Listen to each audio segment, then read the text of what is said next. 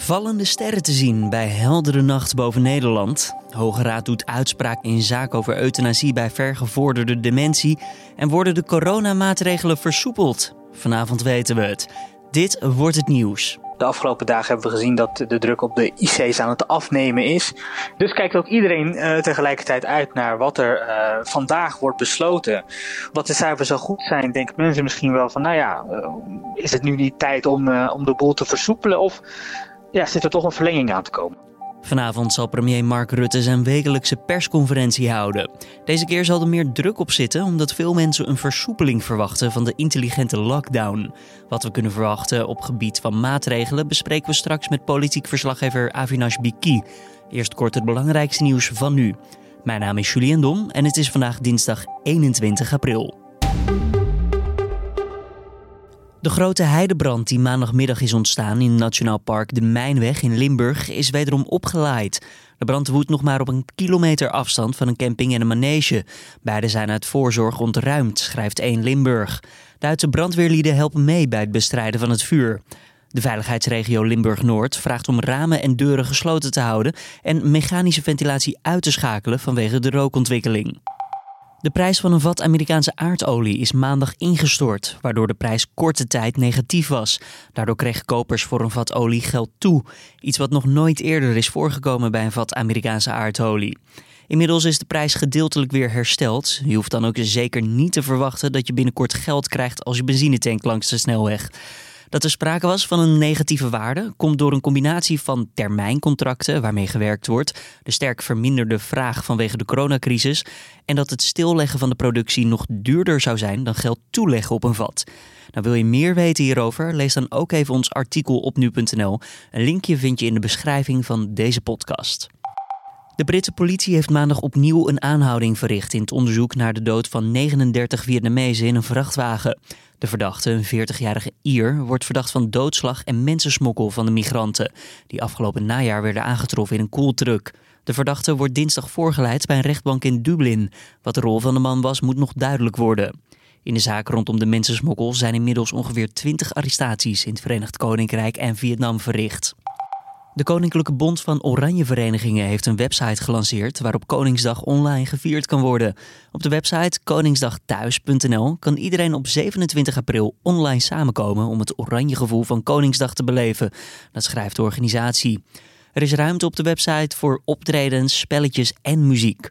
Van enkele bekende Nederlanders, onder wie astronaut André Kuipers en zanger Jeroen van der Boom, is al een bijdrage te zien. Met de site wil de bond een platform toevoegen aan het programma waarop mensen toch samen een oranje gevoel kunnen beleven. Vanaf morgenmiddag 12 uur kunnen mensen hun materiaal uploaden. En dan gaan we naar ons gesprek van deze dag. Worden de coronamaatregelen versoepeld of verlengd? Vanavond komen we dat te weten tijdens de wekelijkse persconferentie. Nadat de regering is bijgepraat door het Outbreak Management Team, krijgt de rest van Nederland een update over hoe nu verder. En velen zullen verwachtingsvol luisteren naar premier Mark Rutte. Mogen we straks weer naar de kapper? En hoe nu verder binnen de horeca? En kan er weer lesgegeven worden op school? Collega Carne van der Brink ging erover in gesprek met politiek verslaggever Avinash Biki en vroeg of er extra druk staat op die persconferentie vanavond.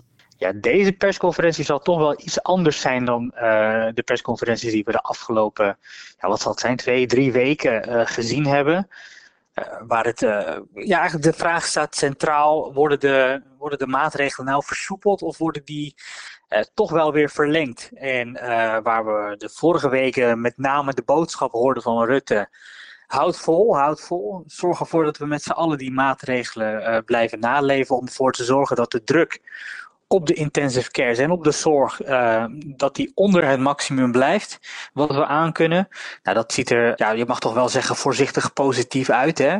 De afgelopen dagen hebben we gezien dat de druk op de IC's aan het afnemen is uh, en aan het afvlakken is. Uh, dus kijkt ook iedereen tegelijkertijd uit naar wat er vandaag wordt besloten. Wat de cijfers zo goed zijn, denken mensen misschien wel van, nou ja, is het nu niet tijd om, om de boel te versoepelen? Of ja, zit er toch een verlenging aan te komen. Ja, want Rutte sprak eerder over drie voorwaarden die nodig zijn voor uh, versoepeling. Kan jij die schetsen voor ons? Ja, hij zei eigenlijk van tegelijkertijd met die boodschap, hè, dus dat er drie ankerpunten zijn, zoals hij dat noemt. temperde hij eigenlijk vorige week al een beetje de verwachting. Ik weet niet of jij het om je heen ook hebt gehoord. Mensen zijn hier echt mee bezig van wat gaat het kabinet nou zeggen? Gaat het nou verlengen? Wordt het nou versoepelen? Kunnen de kinderen naar school? Kan ik naar de kapper? Hoe zit het met mijn bezoek aan, aan, aan uh, mijn ouders? Um, en daarvan heeft hij in de loop van vorige week al wel gezegd van ja, weet je, het is moeilijk. Um, en hij is zelf nog helemaal niet zo positief over die cijfers. En het belangrijkste uh, is dat er voldaan, uh, moet worden voldaan aan drie punten. En dat is één, dat is de druk op de intensive care. Um, twee is dat het contactonderzoek um, uh, dat voorheen de GGD uitvoerde, dat dat wordt overgenomen door apps. En uh, als laatste gaat het erom dat het reproductiegetal, dat is een, een wetenschappelijke term voor, eigenlijk komt het er kort op neer, hoeveel mensen uh, worden er aangestoken door een besmet persoon. Um, en, en, en, dat lag voorheen op drie. Dat wil zeggen dat één besmet persoon drie anderen besmetten. Dat getal moet uh, structureel onder de één zitten. Dus dat iemand gemiddeld niet meer dan één persoon, uh, ander persoon besmet. Ja, en deze drie ankerpunten moeten dus worden voldaan voordat überhaupt uh, ja, ook al gedacht kan worden aan de minste vorm van een versoepeling. Je, je gaf net al aan dat er positieve berichten zijn als het gaat om de druk uh, voor de zorg. Uh, um, zo zijn er elke dag updates over een aantal nieuwe besmettingen die dalen, de ja. doden, de, de, de afvlakking van de IC-opnames. Maar is de druk op onze zorg ook weer echt aan het normaliseren of is die nog steeds extreem hoog? Ja, we gaan richting uh, een, normalisering, maar dat wil niet zeggen dat, dat, dat het nu weer normaal is. We hebben uh, 1150 bedden, uh, is het normale maximum, maar daar moet je ook rekening mee houden dat het maximum natuurlijk ook al ontzettend hoog is. Hè? Dus die werkdruk is al ontzettend hoog. En dat is het al een tijdje. En uh, de inspectie van gezondheidszorg die heeft ook al in een briefing een paar weken geleden tegenover de Kamer gezegd van ja, we, kunnen, we eisen nu het maximale van onze zorgpersoneel. Het is nog maar de vraag van hoe lang ze dat kunnen volhouden. Dus ook in het, ook al denken mensen misschien van, ja, die, die, die zorgcapaciteit neemt nu toch af, moeten we nu niet gaan versoepelen. Daarvan zeggen alle experts, de IC-experts, uh, de RIVM, uh, maar ook premier Rutte, het kabinet, zeggen daar ook van, we zijn nog lang niet bij wat normaal is. En uh, daarom is daar ook de afgelopen weken natuurlijk de boodschap geweest: houd vol. Uh, en laten we ervoor zorgen dat de IC-capaciteit weer normaal wordt.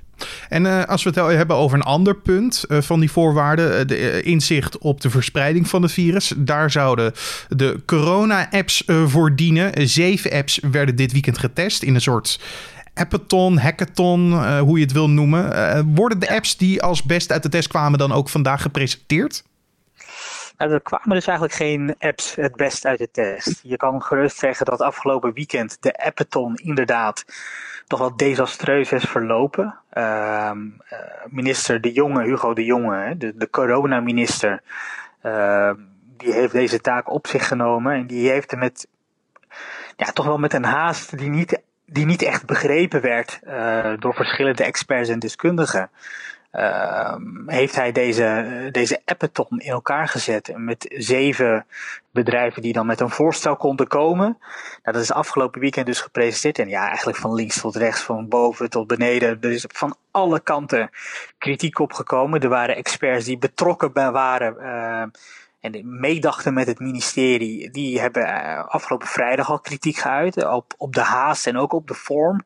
Hoe uh, minister De Jonge dit wilde presenteren. En ja, tot overmaat van ramp eigenlijk. Op de, op de, binnen 24 uur trof RTL Nieuws al een datalek aan bij een van de apps. COVID-19 alert. Maar ook de landsadvocaat uh, die heeft uh, kritiek geuit op de app. KPMG dat onderzoek deed uh, in opdracht van het ministerie. Die zei ook eigenlijk van ja, bij geen enkel voorstel wat is binnengekomen is de beveiliging op orde geweest. En dan kwam gisteren het bericht van de autoriteit persoonsgegevens. Eigenlijk ook wel een vernietigend oordeel. En die zei van ja, wij kunnen niet zeggen over deze apps omdat het ministerie zelf geen duidelijke kaders heeft aangesteld rond de privacybescherming.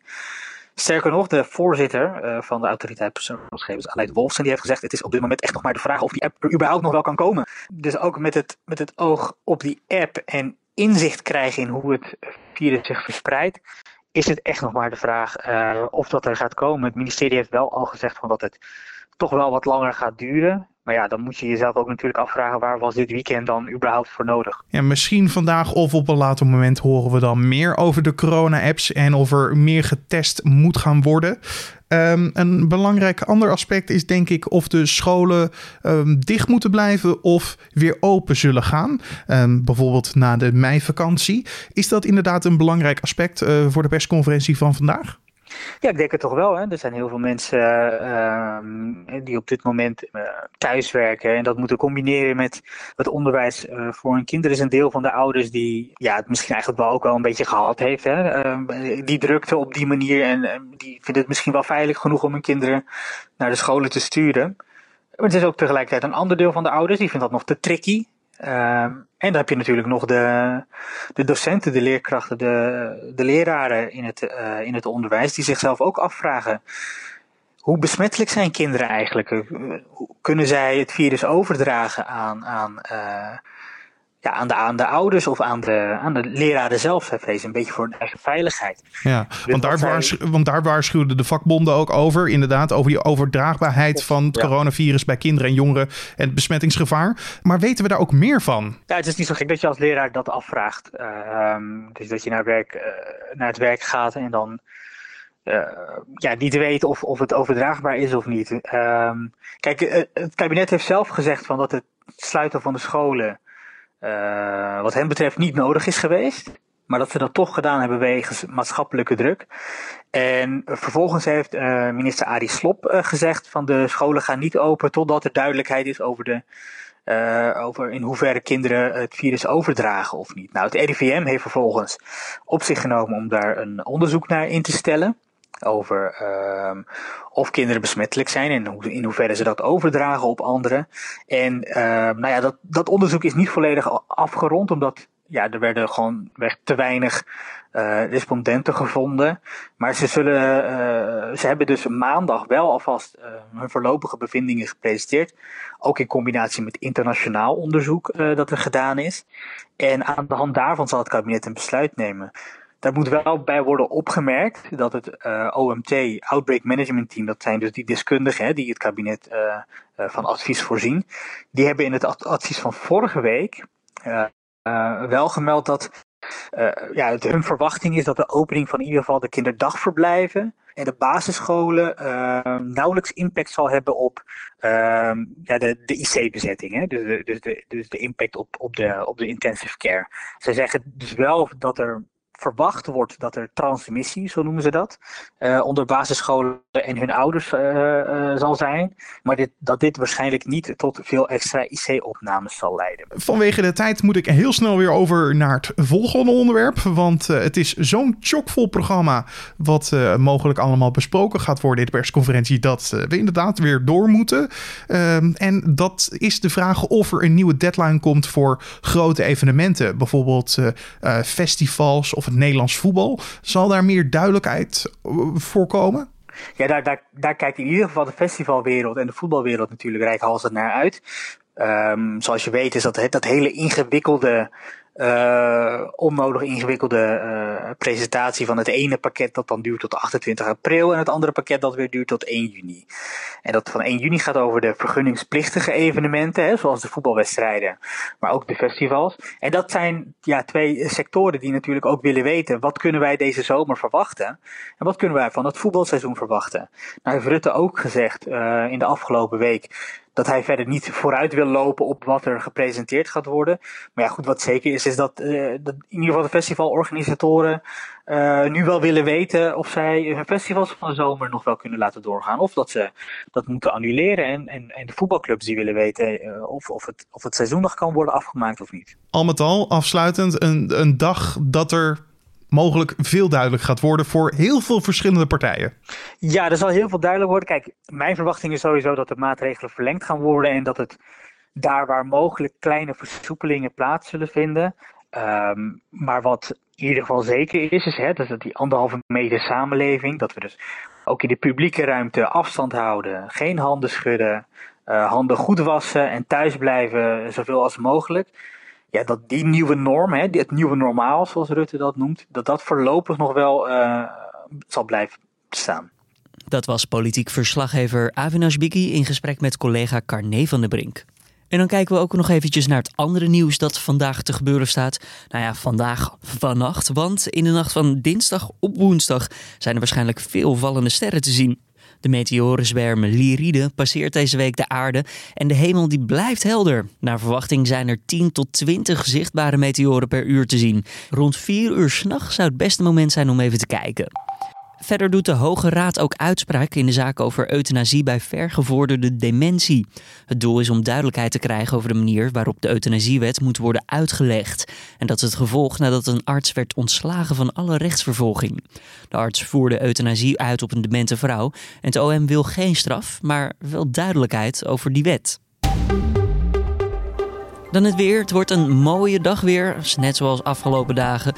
Het zal ronduit zonnig worden met een temperatuur van 12 graden op de Wadden tot 21 graden in het zuiden. En er waait een matige tot krachtige oostenwind. Dan nog even iets over de wijnconsumptie in Europa. Die zal namelijk dit jaar een stuk lager liggen dan in andere jaren. En ja, dat heeft te maken met het coronavirus. De Europese Commissie verwacht vooral een sterke daling van kwaliteitswijnen, omdat deze vooral binnen de horeca worden gedronken. En vanwege het stilleggen van de horeca wordt er dus niet gedronken. Bij supermarkten zou er wel een sprake zijn van een lichte stijging van de verkoop op wijngebied, maar dat is niet genoeg om de daling elders te compenseren. En naast een daling van de wijnconsumptie binnen de EU verwacht de commissie ook een sterke daling van de export van wijn.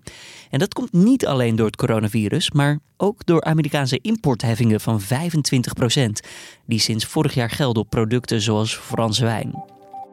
En dit was dan de Dit Wordt Het Nieuws ochtendpodcast van deze dinsdag 21 april. Tips of feedback kan je naar ons mailen via het mailadres podcastapenstaartje.nu.nl. Dan wens ik je voor nu een fijne en gezonde dinsdag. Mijn naam is Julian Dom. En tot vanmiddag weer, dan zit mijn collega Carne van der Brink hier achter de microfoon voor de middageditie.